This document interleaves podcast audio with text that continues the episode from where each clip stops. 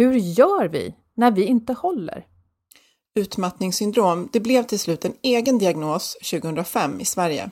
Och stressrelaterad ohälsa, det är nu den vanligaste orsaken till sjukskrivning i Sverige. Ja, vi har poddat om utmattning flera gånger. Det här är ett stort ämne och tyvärr en stor utmaning för hela vårt samhälle. För vi vill ju skapa hållbara arbetsplatser där människor både mår och presterar bra. Ja, kärnan i vår podd helt enkelt. Ja, och historiskt så har det av flera förts resonemang om att i den tiden vi är i nu så borde vi kunna jobba mindre, ha mer tid till fritid. Men så har det inte alls blivit och många med goda intentioner de lyckas ändå jobba så mycket och på ett så sätt att de jobbar sig in i den beryktade väggen. Vad beror det här på? Hur har det blivit så här och vad kan vi göra? Det ska vi prata om idag med Adam Svanell.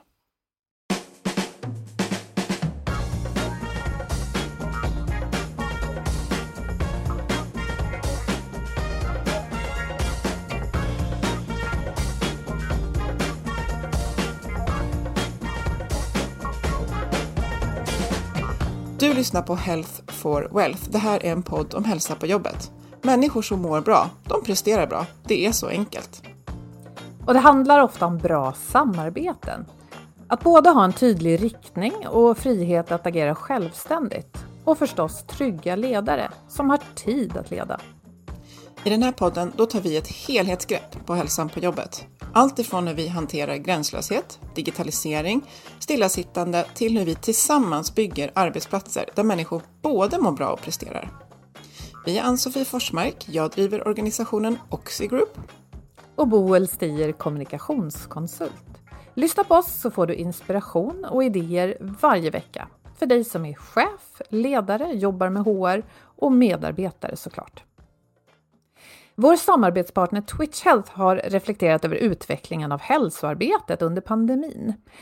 Twitch Health hjälper både stora och små organisationer med hälsosatsningar som funkar på riktigt. Och med 21 år, 21 år, 21 år, 21 år i branschen så har de både erfarenheten och modet, men framförallt drivet att hjälpa sina kunder.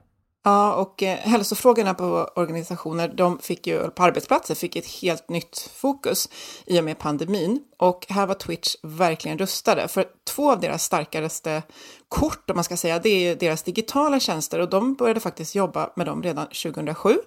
Och på så vis var de ju mer än redo att ställa om från fysisk leverans till digital när det behövdes. Och det här gör de såklart tillsammans med sina kunder utifrån deras behov och de har utvecklat och lanserat de digitala koncepten Twitch Wellbeing 2.0 och Twitch On Demand. Och de har även under 2020 fått förtroendet att digitalisera delar av forskningsstudien som heter Fit for Life och den här gör de på uppdrag av Karolinska institutet.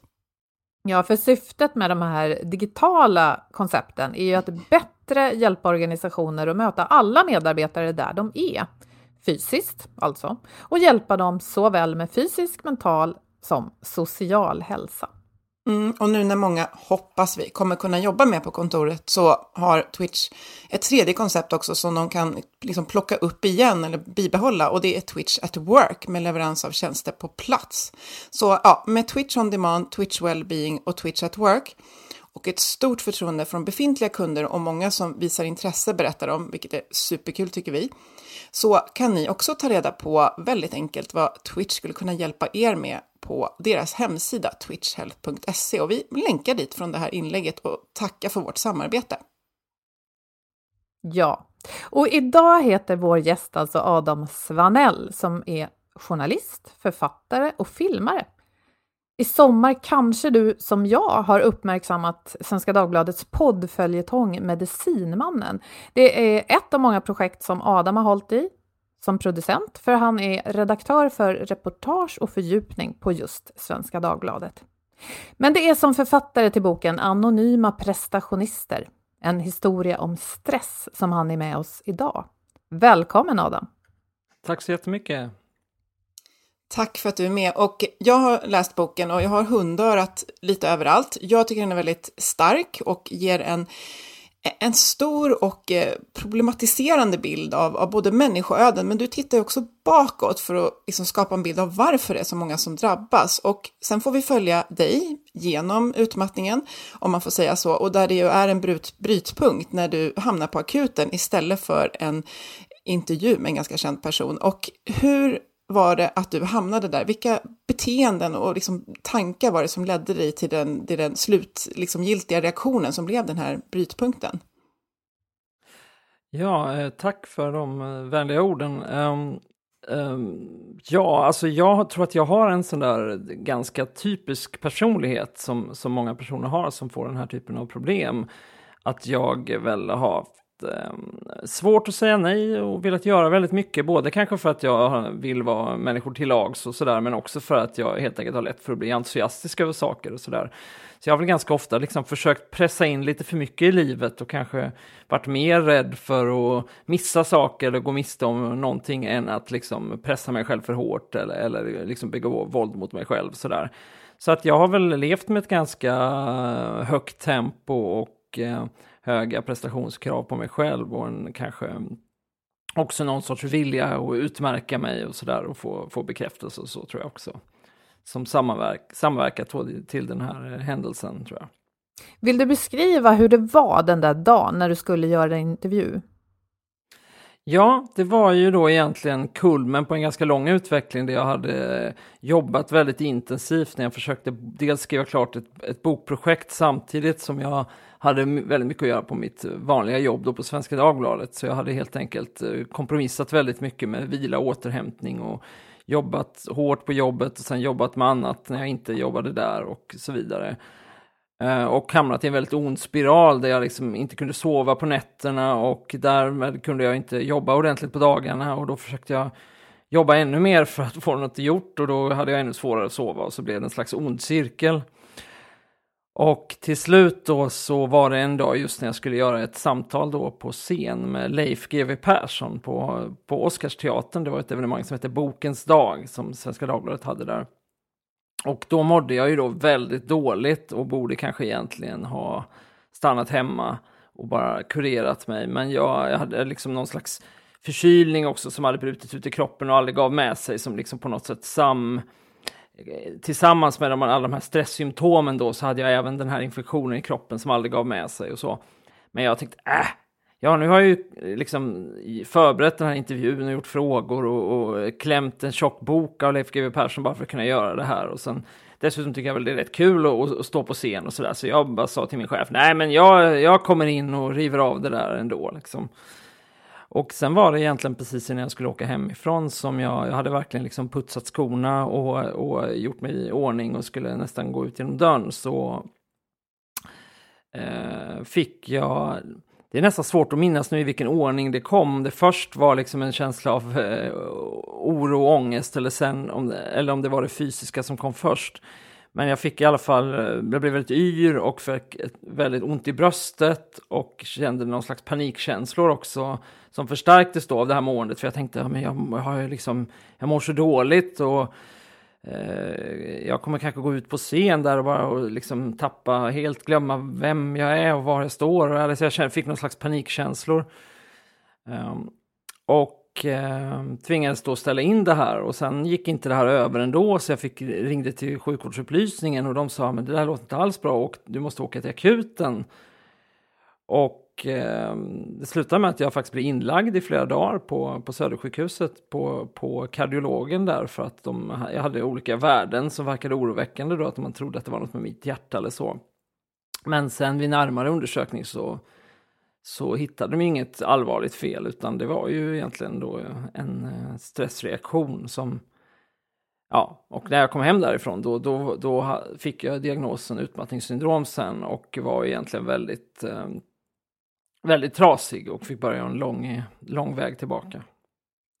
Jag tycker det är så intressant att eh, det verkar som att vi, många av oss i alla fall, och, och, det är det här vi pratar om idag, vi kör på så hårt, vi struntar i alla signaler de, först de fina, liksom, så här, ljusa signalerna och sen de som bara skriker åt oss tills det är någonting fysiskt. Många beskriver det som att just eh, man kan inte andas, man kan inte ta ett steg, man kan inte ha kontakt med en annan person. Liksom. Mm. Och ja, jag antar att ja, det är det här vi ska prata om, men det är, det är fascinerande att vi på något sätt tycker att det är fult att lyssna på kroppen. Ja, eller ja, precis. Eller det, det är ju... Um... Jag tänker att många av oss som blir riktigt dåliga blir ju just det också, just för att man inte har den här, man vill så mycket så gärna att man liksom inte, inte förmår lyssna på, på de signaler som, mm.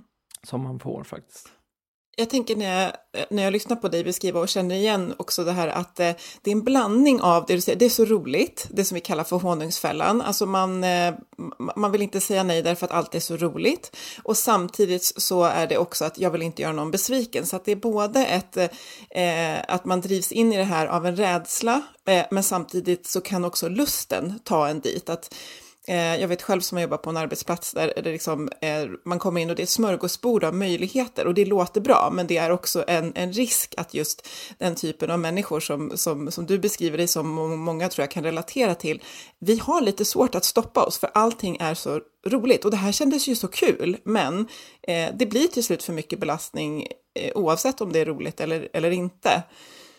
Så att, eh, ja. Jag tycker det är intressant där som, som du säger att du placerar i ett historiskt och ett samhälleligt sammanhang. Eh, och i boken så vet jag Adam att du, har, du tittar bakåt för att skapa en bild av varför vi är där vi är idag med så många som drabbas. Och om vi börjar på samhällsnivå, vad är det för faktorer du ser som bäddar för att så många drabbas av utmattning just nu? Och då menar jag väl egentligen de senaste två decennierna eller så. Have catch yourself eating the same flavorless dinner three days in a row? Dreaming of something better? Well, hello fresh is your guilt-free dream come true baby. It's me, Gigi Palmer. Let's wake up those taste buds with hot, juicy pecan crusted chicken or garlic butter shrimp scampi. Mm. Hello Fresh. Stop dreaming of all the delicious possibilities and dig in at HelloFresh.com. Let's get this dinner party started. Hey Dave. Yeah, Randy. Since we founded Bombus, we've always said our socks, underwear, and t shirts are super soft. Any new ideas? Maybe sublimely soft. Or disgustingly cozy. Wait, what? I got it. Bombus. Absurdly comfortable essentials for yourself and for those facing homelessness. Because one purchased equals one donated. Wow, did we just write an ad? Yes. Bombas. Big comfort for everyone. Go to bombas.com slash ACAST and use code ACAST for 20% off your first purchase. Hey, I'm Ryan Reynolds. Recently, I asked Mint Mobile's legal team if big wireless companies are allowed to raise prices due to inflation. They said yes. And then when I asked if raising prices technically violates those onerous two year contracts, they said, What the f are you talking about, you insane Hollywood ass? So to recap, we're cutting the price of Mint Unlimited from $30 a month to just $15 a month. Give it a try at mintmobile.com slash switch. $45 up front for three months plus taxes and fees. Promo for new customers for limited time. Unlimited more than 40 gigabytes per month. Slows. Full terms at mintmobile.com. Ja, alltså det är ju en jättestor fråga och jag ska inte säga att jag heller har så här kommit fram till, ja men så här är det, att jag har ett tydligt svar, utan det blir snarare som att jag undersöker olika hypoteser och tar upp dem och så.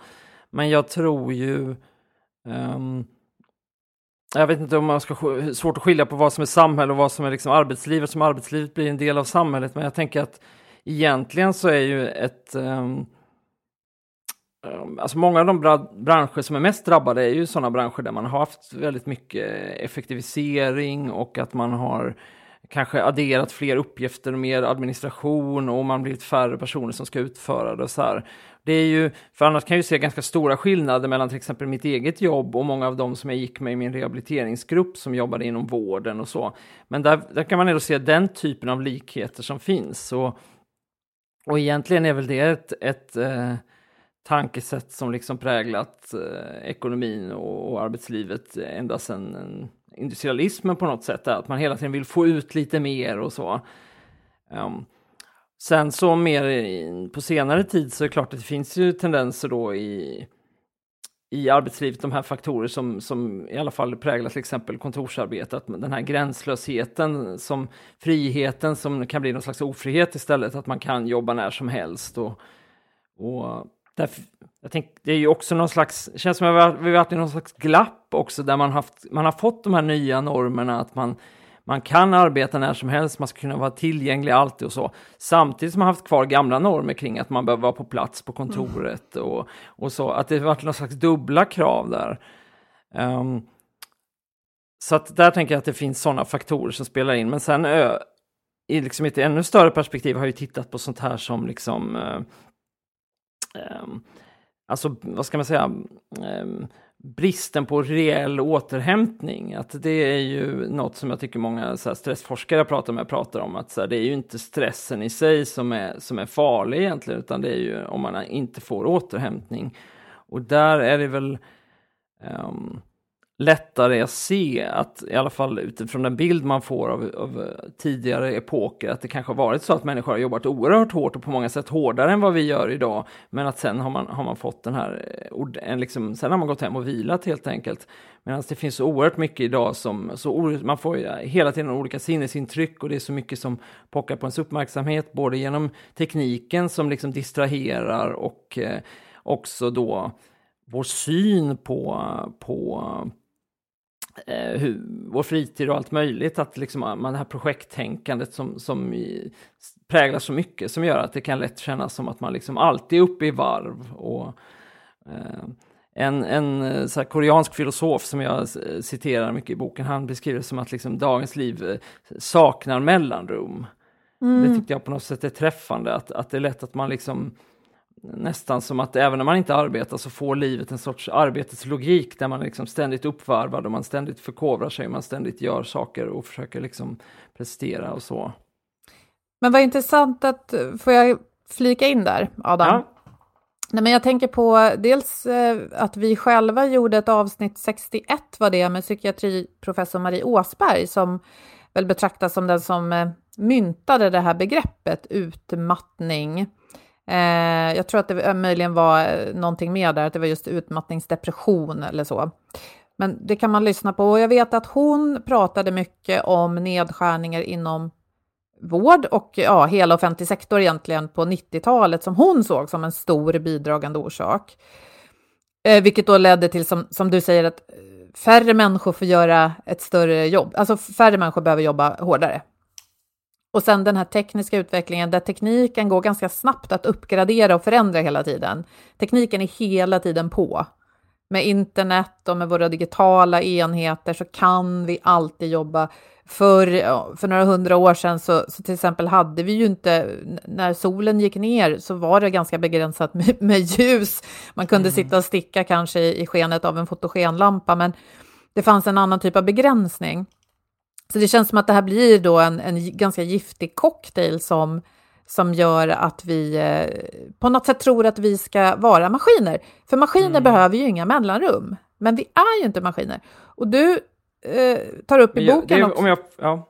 Ja, jag får flika in där så håller, håller, jag med om verkligen den bilden och just den bilden om maskinliknelsen tar jag själv upp eh, för att jag tycker att det är nästan som att min, mina förväntningar på eller jag, jag, tänker på den tanken att, att jag liksom, man omger sig av maskiner hela tiden idag, att man har sin dator och man har sin telefon och så. Och sen är det liksom, eh, det är som att jag kommer fram till ingenting kan göra mig så arg som, som när maskinen inte fungerar plötsligt. Liksom. När så, då blir man helt vansinnig. Men det här, det här ska bara funka och så. Mm. Och då är det som att jag tänker på, det är nästan som att jag betraktat mig själv som en maskin också. Att jag tror att det ska bara vara så här, sen chop, chop, chop ska allting bara bockas av. Att jag har inte haft någon liksom, förståelse eller för att jag själv är, är, inte är en maskin utan en människa utan har en annan sårbarhet och andra begränsningar och så. Det, um, och det också... apropå det du sa, jag tycker också intressant det du sa just med exemplet med belysning, för det är ju också något som jag tittar då i det här historiska perspektivet, att, att när man började med liksom, det blev utbrett med, med ordentlig fotogen var det väl först belysning och sen glödlampor. Det var ju ungefär samma tid som man började få de första diagnoserna av det här neurasteni som det hette, som var en mm. liknande diagnos som påminner om utmattning. Och det var också samtidigt som man började med, folk började ha klockor och, och sam, ungefär samtidigt som också liksom ehm, um, sådana här idéer kring, kring eh, själv, alltså det kom, började komma den, vad som kallas den första självhjälpsboken som handlar om hur man ska förverkliga sig själv och förverkliga sina drömmar. Och så. så det jag tycker är väldigt intressant att så mycket av, de, mycket av de här grejerna som vi idag 150 år senare kopplar till skapar stress, de liksom dök upp precis samtidigt som folk började bli sjuka på det här samma, på samma sätt också.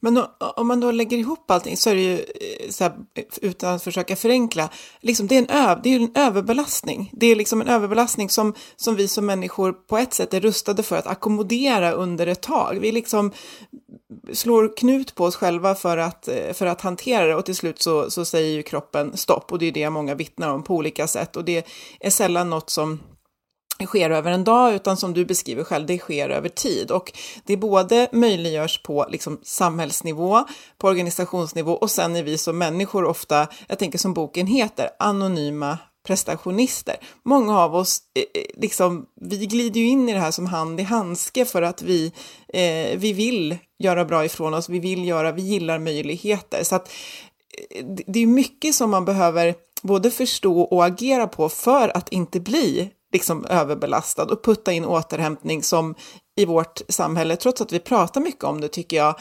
eh, fortfarande liksom går lite på tvärsen mot det som är fint och bra. Nu sätter jag upp liksom citationstecken.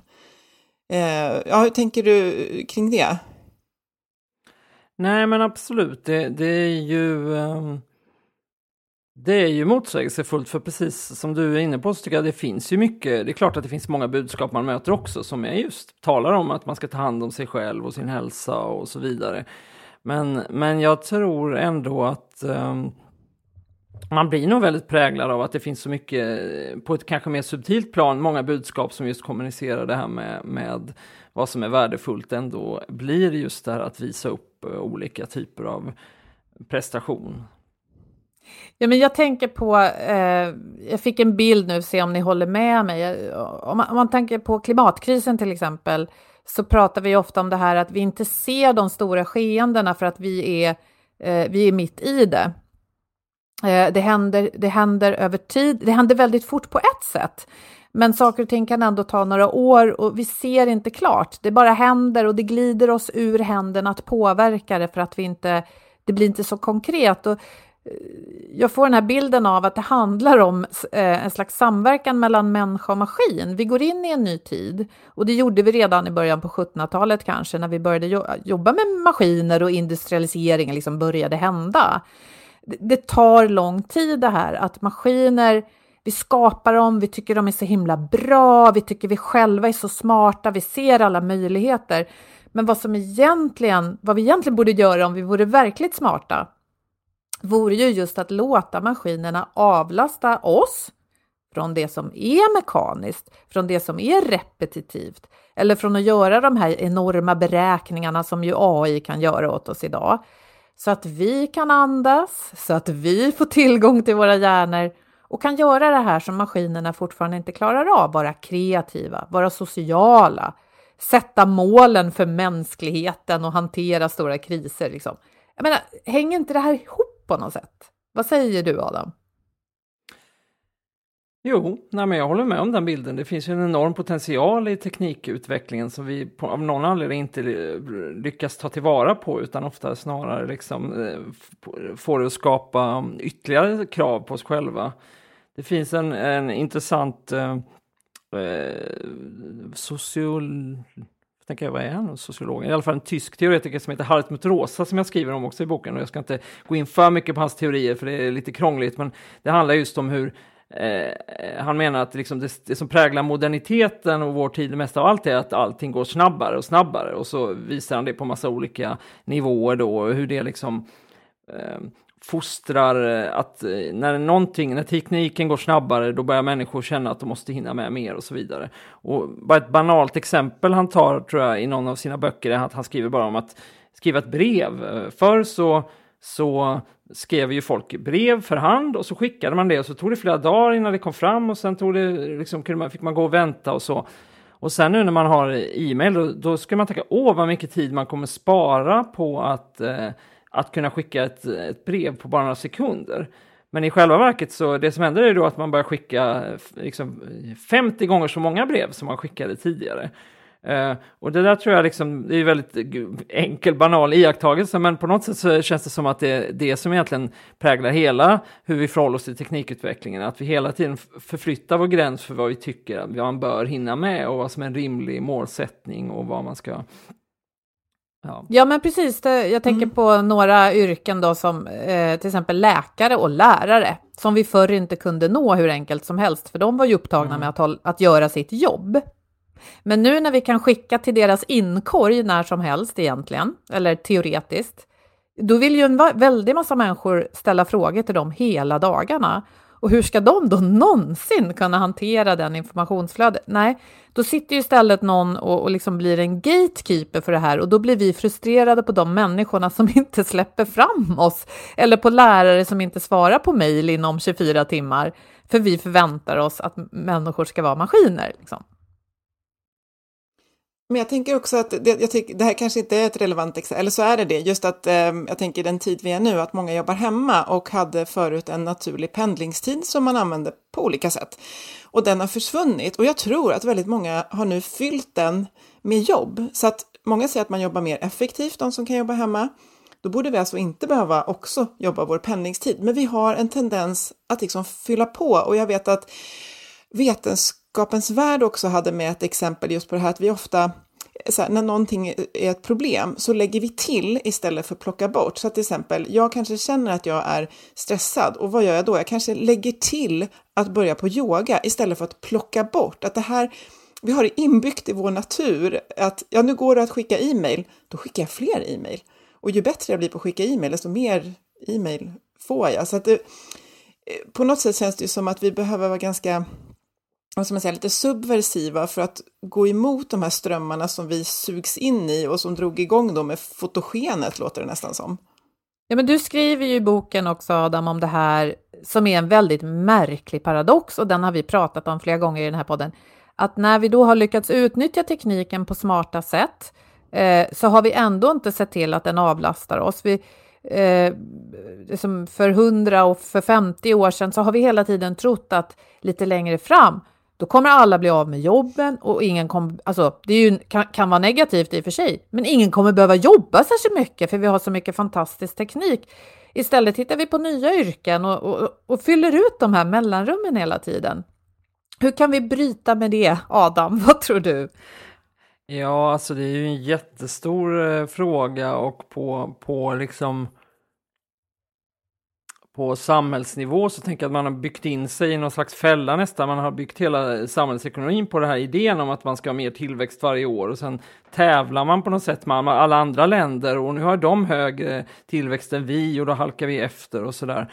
Så att det är ju klart att det är jättesvårt att som eh, Sverige bara ska säga men nu struntar vi i det och, och Eh, bara eh, bryr, bryr oss inte om det. Men, men, eh, men om man bara tittar på det liksom utifrån så tycker jag verkligen att, att det är på något sätt paradoxalt att vi pratar nu om att ja, men vi, vi klarar inte, vi måste arbeta ännu längre upp i åldrarna och så vidare och vi måste arbeta mer när man samtidigt har skapat ett enormt välstånd jämfört med hur det såg ut för 50 år sedan eller någonting och människor har liksom genom snitt mycket mer tid, pengar att röra, röra, sig med och så, som man skulle då kunna omvandla till tid egentligen. Och så. Ja, där finns ju en massa olika frågor. Vår förväntade lön till exempel. Många som tjänar över, sig en snittlön då. Och i, alltså, folk som är arbetslösa och folk som lever på bidrag ingår inte i den här analysen. Men, nej, nej, men för, för oss som ändå har en intäkt, liksom. Många av oss skulle nog egentligen kunna gå ner 10-20 procent faktiskt. Man skulle inte vilja, men det skulle gå. Eh, och det här med sex timmars arbetsdag som man liksom eh, Ja, jag är lite förvånad över att det fortfarande ses som ett liksom, vänsterprojekt. Jag tycker att det borde väl alla, jag menar, det vore väl smart så vi kunde hänga mer med våra familjer mitt i livet och så. Men, men det känns som att nej, det, det, det känns mer som en, många tycker det är en utopi. Men varför det? Vi har ju tekniken. Vi borde kunna, även om man inte är tillväxtkritiker, så borde vi kunna ha en tillväxt utan att vi då liksom bränner ut oss på den här gamla, tycker jag numera, faktiskt ganska unkna 40 timmars veckan. Eller? Jo, absolut. Jag håller med. Och jag menar bara på, på individnivå så har jag då efter, jag har ju då inte, aldrig gått upp på heltid efter att jag hade den här erfarenheten. Och det var ju också något som jag Ehm, brottades med, för jag tänkte liksom, gör det här mig till en annan sorts person nu? En som, alltså det är som att bilden av en som person som inte jobbar heltid är någon som kanske inte är så ambitiös eller eh, liksom lite så. Men eh, jag tycker att det, det, ehm, det går, man kan inte göra lika många saker eh, utan att jobba heltid, men man kan ju absolut eh, göra lika bra saker på något sätt. Det, ja. Men jag tror att det finns en sån bild kanske också av att det är lite och ge upp på något sätt, att inte arbeta heltid. Jag. Det där känner jag igen mig i jättemycket, att jag har liksom funderat på om jag går ner i arbetstid nu, blir jag en sån som man inte satsar på? Blir jag en sån som inte får de möjligheter jag annars skulle få? Och då inser jag att jag har en dröm som jag inte har uttalat förrän nu. Jag vill bli en chef som jobbar sex timmar. Det vore så himla kul. Mm. Och jag tänker, det finns känslan är en sak och sen kan vi hämta, det finns studier och liksom testprov gjort på det här där man faktiskt ser att ja, men det Adam tvingas göra det är ju okej, okay, kanske lite tråkigt få, få kanske skippa liksom fikat med kollegorna halv tre när man hade sånt, tänker jag, i ditt jobb, så jobbar många hemma nu också.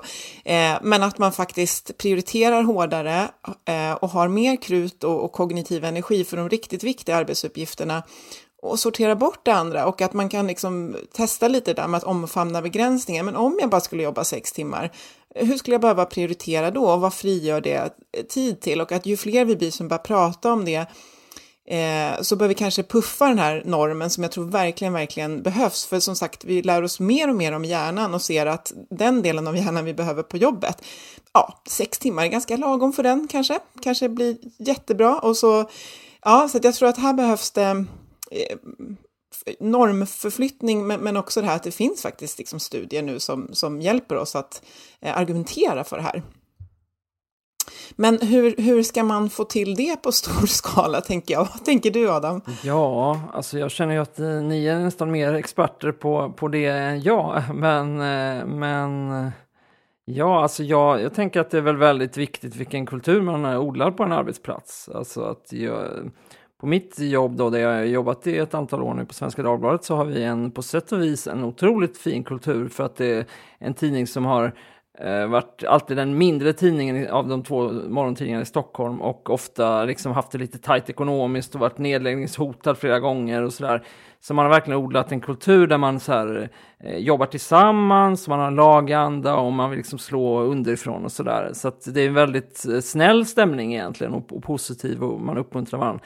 Men, men just den här eh, underdog-stämningen gör ju också att det lätt blir så att man förväntas liksom eh, göra mer än, än det vanliga så att säga, utan att man liksom eh, eh, jag jobbade, bara nu hoppade in och jobbade i helgen nu, när, då var det ju att eh, Stefan Löfven gick ut med att han skulle eh, sluta och då liksom var det massor av personer som bara hörde av sig. Ja, jag kan vara med och alla ville liksom plötsligt vara med och jobba fast liksom folk var lediga egentligen och sådär. Och, och ehm, det där är ju en fin balansgång, för jag menar, har man en arbetsplats där det liksom anses eh, det normala, och eh, det onormala är det normala på något sätt, så är det eh, rätt ehm, riskabelt såklart. Utan jag tänker att det handlar jättemycket om vad man skickar ut för signaler och hur man pratar och, och liksom att man ändå det låter kanske jättetråkigt, men jag tänker att man ändå ska signalera som chef också att det är okej okay att ha en viss distans till arbetet på något sätt, att den inte ska vara hela ens liv. Nej, men jag kan tänka mig att det är en utmaning på, på din arbetsplats. Jag har förresten jobbat på Svenskan under många år i slutet på 90-talet och, och, och, känner igen mycket av det du säger. Eh, vänlighet, gemenskap och liksom kollegialitet och en massa otroligt proffsiga människor. Eh, men jag minns ju också otroligt tydligt det här med ständiga ekonomiska hot. Att man liksom aldrig sitter säkert och nu ville jag aldrig bli anställd för det är inte så jag vill jobba, jag är mer av en egenföretagare, men, men liksom otrygghet och faktiskt låga ersättningar som gör att den här osäkerheten är ju egentligen inte bra. Och den kan ju vara svår att göra någonting åt.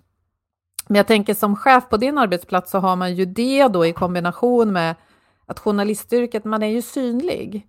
Det man mm. publicerar varje dag är ju väldigt synligt för många, man, gör sig, man blottar sig. Och jag tänker att det, det göder ju också det här, shit, jag måste jobba ännu bättre. Jag måste jobba ännu hårdare. Det är nog väldigt svårt. Men jag är ändå mycket för det här med sex timmars eh, dagen och då tänker inte jag att man måste stämpla in och ut, utan i det moderna landskapet, om man inte jobbar med jobbyrke där man ska stå på plats, så borde man kunna vara ganska fri att fördela den här tiden. Och om man då en vecka vill jobba många fler timmar, så har man ju sen återhämtning att ta till nästa vecka. Så där någonstans känner jag att man skulle kunna hitta något som är då mer hållbart. Att du har liksom en, en timbank och du kan inte liksom dubbla den allt för många veckor, för det, då, går, då blir det en röd flagg. Liksom. Då får du faktiskt ta ledigt ett tag.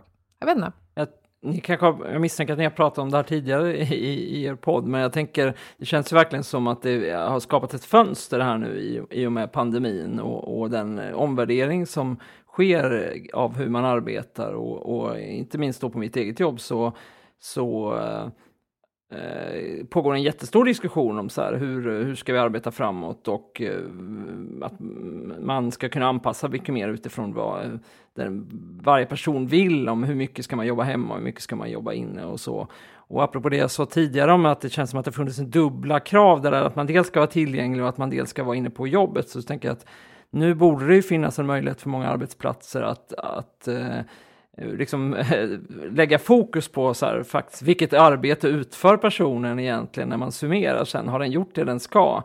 Och lägga, eh, låta det vara det viktiga och inte sådana här saker som just liksom, eh, eh exakt vilka tidpunkter du satt den på kontoret och så vidare. Mm. Ja, men precis. Och det, jag tänker det, det där strukturella och att jag tänker ledarskapet som eh, blir ju så otroligt viktigt att eh, både, liksom, eh, som du var inne på, att det är okej att vara ledig. Men jag, jag, kan tänka, som jobbar mycket med chefer, att man kan behöva vara nästan lite tuffare än så. Att faktiskt så här, hur, jag ser inte, liksom, jag ser att du jobbar för mycket. Mm. Eh, och det vet vi kommer liksom bli, bli ett problem. Du gör ett fantastiskt jobb, men hur är det med din, eh, hur är det med din ledighet? Det kommer mejl på kvällarna och så där. Man får nästan ibland, eh, man måste ha lite olika verktyg i verktygslådan där för att alla är så olika. Men jag tänker att även om vi sätter strukturen, det här som, som, eh, som du har beskrivit själv, att allting är så roligt och man har en inneboende ganska på lång sikt ohållbar glöd för att man vill prestera hela tiden. Det här att man är en liksom anonym eh, prestationist, den är, ju, den är ju svårare att liksom strukturera upp på jobbet. Den kommer ju inifrån oss som individer.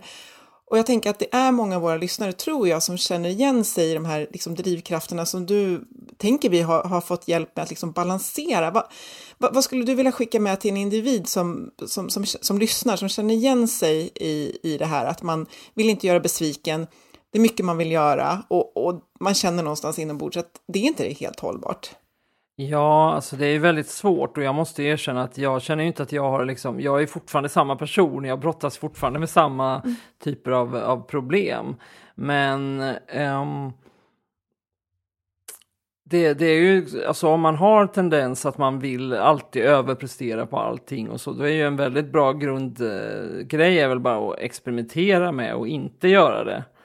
Eftersom man märker ju ganska fort att det inte um, att det inte gör någon, att det är helt okej. Okay. Alltså att det, det, det blir ju, jag menar när jag var, mådde ganska dåligt, då fick jag ju till exempel eh, Ja, alltså jag vet inte om det är att se som en form av prestation, men en sån sak jag gjorde att jag kände att jag var en person som tog väldigt mycket eh, socialt ansvar och säkert kanske lite för mycket plats också ibland. Men jag liksom var alltid, om jag var i ett sammanhang så var jag alltid väldigt delaktig i alla konversationer och väldigt så liksom. Och det blir, klarade jag inte av då helt enkelt när jag var utmattad. Då sa ju min terapeut att liksom eh, eh, känn efter hela tiden och så ibland så kan du väl bara sitta tyst och, och och även om det kanske blir så pinsam tystnad vid, runt bordet och ingen sådär. Och då fick jag ju experimentera med det och då insåg jag ju så här, det är inte så farligt om det blir lite tyst. Alltså, och, och lite samma saker med massa andra eh, sådana små saker i vardagen som just sådär att ja men eh, om man inte eh, hinner eh, laga någon god mat när man ska över folk utan bara köper en pizza och se att det, alltså eh, vad det än är som, som man har en tendens att känna att man liksom lägger massa saker på sig själv så är det väl enklaste saken är väl bara att prova vad som händer om man inte gör det. Ehm. Att välja en sån situation där man känner att eh, här är jag lite rädd för att göra som jag inte brukar. Och då skulle det kunna vara att säga till chefen att vet du, jag hinner inte leverera det här jag skulle ha levererat på torsdag. Hur skulle Ja. det vara om jag levererade nästa torsdag? Bara testa liksom. En, det, det skulle ju kunna vara en sån grej. Och så kanske det faktiskt löser sig. Och jag kan säga, för jag också fick ju mycket sådana hemuppgifter också då, typ i min terapi, att så här, eh, öva på att göra saker dåligt, även i jobbet till exempel. Så här, skriva slarviga mejl och skriva dåliga artiklar och sådär. Och det där med att skriva dåliga artiklar, det tyckte jag, det, det klarade jag inte riktigt av. Jag menar inte att jag eh, skriver alltid så fantastiska artiklar, men att liksom inte försöka skriva, skriva så bra som möjligt. Det, men, utan där har jag nog istället fått liksom skapa min egen variant av det som är mer snarare att, att så här, eh, välja vad som är viktigt. För att jag tror att tidigare var det mycket mer så att jag liksom sa ja till det mesta och, och liksom ville göra allting bra och det går ju inte utan utan om man istället så här, så här, men den här grejen är viktig för mig, här får jag vara liksom perfektionist, så, så kanske man kan låta lite andra grejer eh, liksom bli lite som de blir och, och vara good enough. Liksom. Jag tänker det här äh, experimentera-ansatsen är ju mer oladdad än att så här, nu ska jag sluta vara, liksom, nu ska jag sluta, utan man testar och sen utvärderar och säger det där gick bra och ja, jag, jag, tror, tror också på det och att man kommer tillbaka till det här med, eh, som vi vet, typ, alltså reflektera, vad är viktigt för mig, vad, vad idag vill jag verkligen vara fullt närvarande och verkligen prestera på och vad är inte så viktigt när jag tänker, eh, när jag tänker efter. Så att ja, det, det, där kan man ju låna med sig från din, eh, dina tips från din terapeut. Jag tänker också att eh, den här fällan som vi går i, alltså antingen vi går fullt ut i utmattningsdepression eller bara mår väldigt dåligt ibland, eh, är väl också att man ser sig som ganska ensam eh, på något sätt. Att man ska leverera väldigt mycket, man hinner inte med, men man kan inte be om hjälp. Eh, är det inte klokt också att se sig om, vad skulle jag kunna ja, men delegera eller be om hjälp med? Jag vet att jag själv är en sån där som gärna vill liksom göra allt själv, för då vet jag att det blir som jag vill. Ja. Och den är ju så dum eh, på så många sätt, eh, därför att allt blir naturligtvis inte bäst när jag gör det. Och, och dessutom så kan ju inte andra heller bli bättre om jag inte låter dem försöka. Alltså, eh, så det där försöker jag jobba med lite grann, släppa saker. Ehm, och ibland så tycker jag också att när man vågar prova då så får man hjälp från oväntat håll som också kan bli oväntat bra. Jag vet inte om ni känner igen er i det. Jo, men så kan det absolut vara. För jag tänker att eh, du, du bollade ju lite till oss Adam att vi, vi har ju poddat om det här i fem år så vi borde ju ha lite koll på hur man bygger bra arbetsplatser och det här med att vi är tillsammans tycker jag är en väldigt viktig sak att lyfta fram.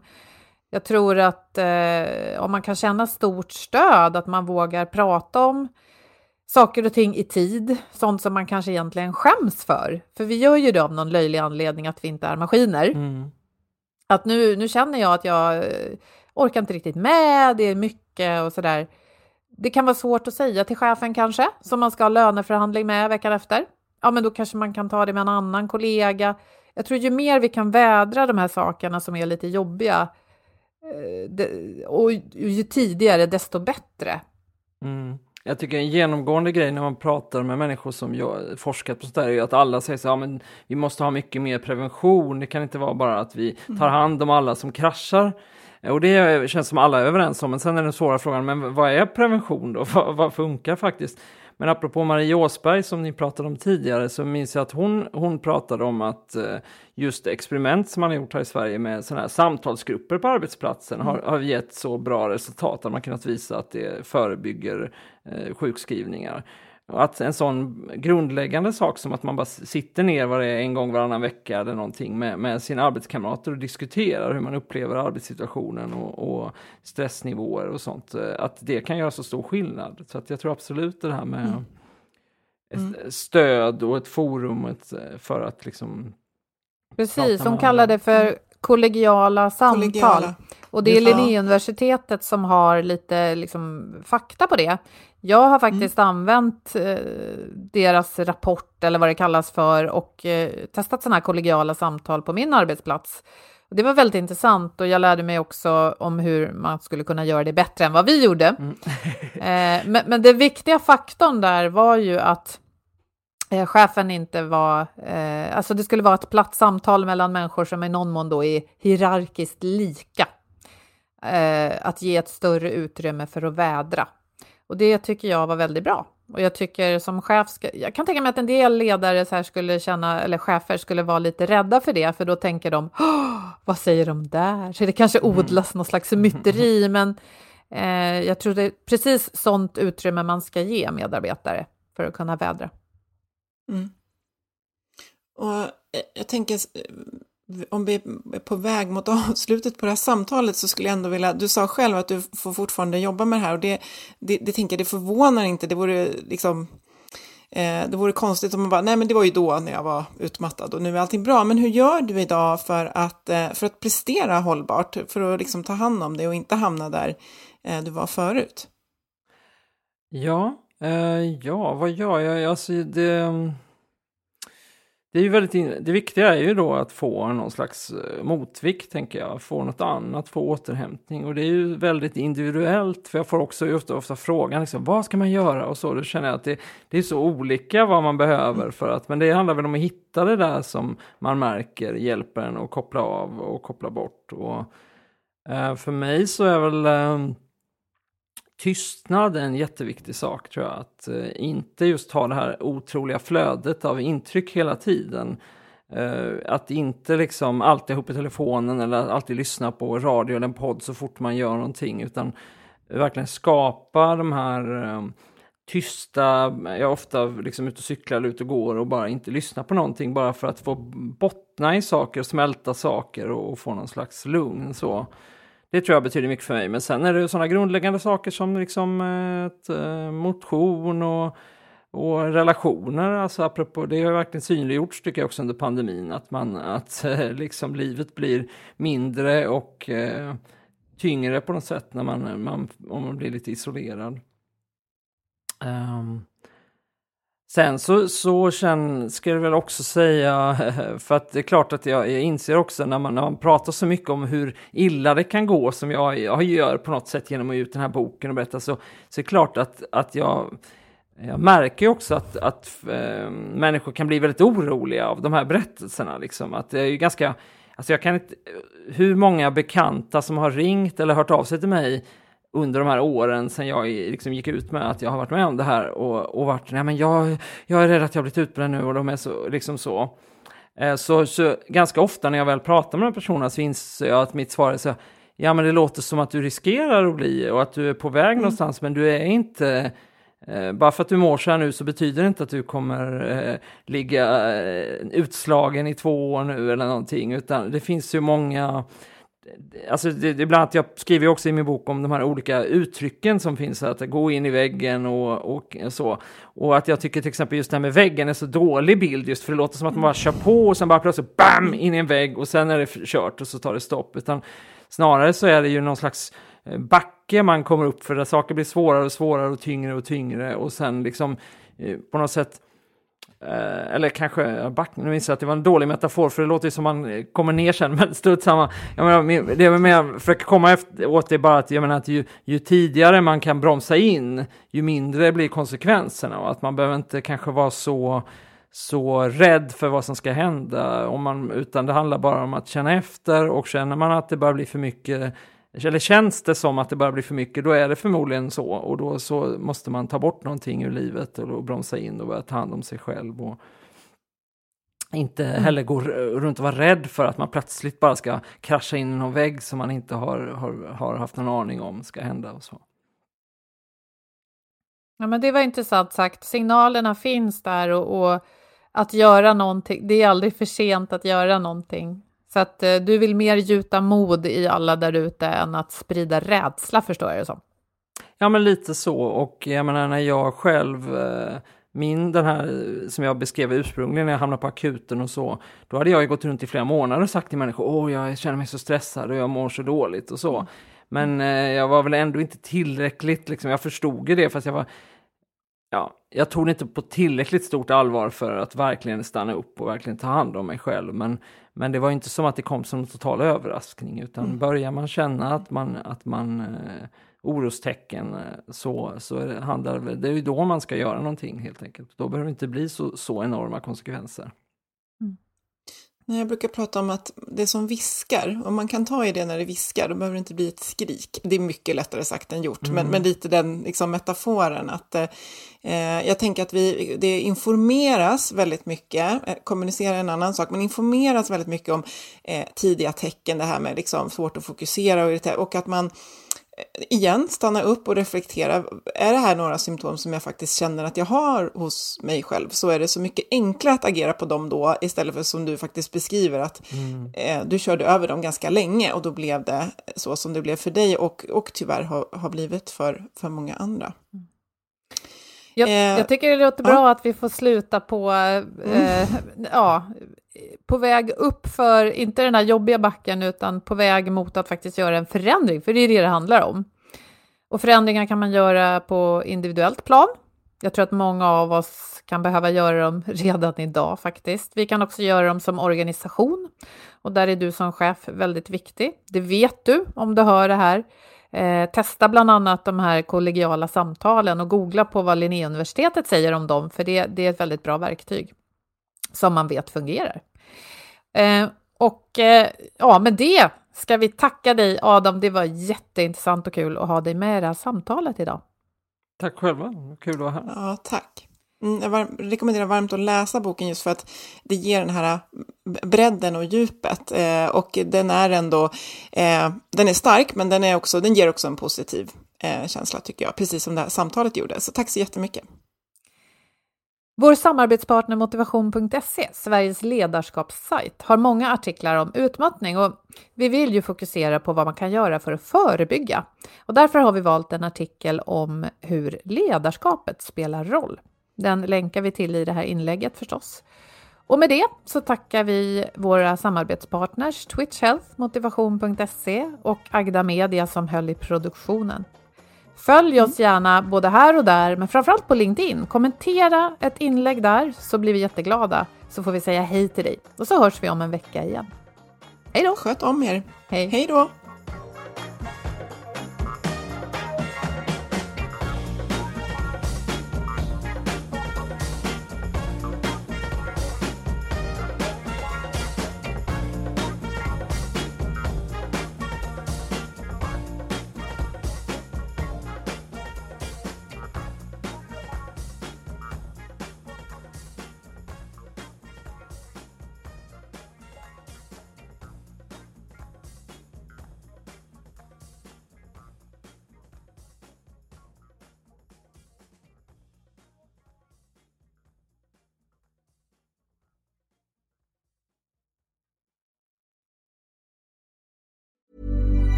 Mom deserves the best, and there's no better place to shop for Mother's Day than Whole Foods Market. They're your destination for unbeatable savings, from premium gifts to show-stopping flowers and irresistible desserts. Start by saving 33% with Prime on all body care and candles. Then get a 15-stem bunch of tulips for just $9.99 each with Prime. Round out Mom's menu with festive rosé, irresistible berry chantilly cake, and more special treats. Come celebrate Mother's Day at Whole Foods Market. Mom deserves the best, and there's no better place to shop for Mother's Day than Whole Foods Market. They're your destination for unbeatable savings, from premium gifts to show-stopping flowers and irresistible desserts. Start by saving 33% with Prime on all body care and candles. Then get a 15-stem bunch of tulips for just $9.99 each with Prime. Round out Mom's menu with festive rosé, irresistible berry chantilly cake, and more special treats. Come celebrate Mother's Day at Whole Foods Market Market. Even when we're on a budget, we still deserve nice things. Quince is a place to scoop up stunning high-end goods for 50 to 80% less than similar brands. They have buttery soft cashmere sweaters starting at $50, luxurious Italian leather bags, and so much more. Plus, Quince only works with factories that use safe, ethical, and responsible manufacturing. Get the high-end goods you'll love without the high price tag with Quince. Go to quince.com/style for free shipping and 365 day returns.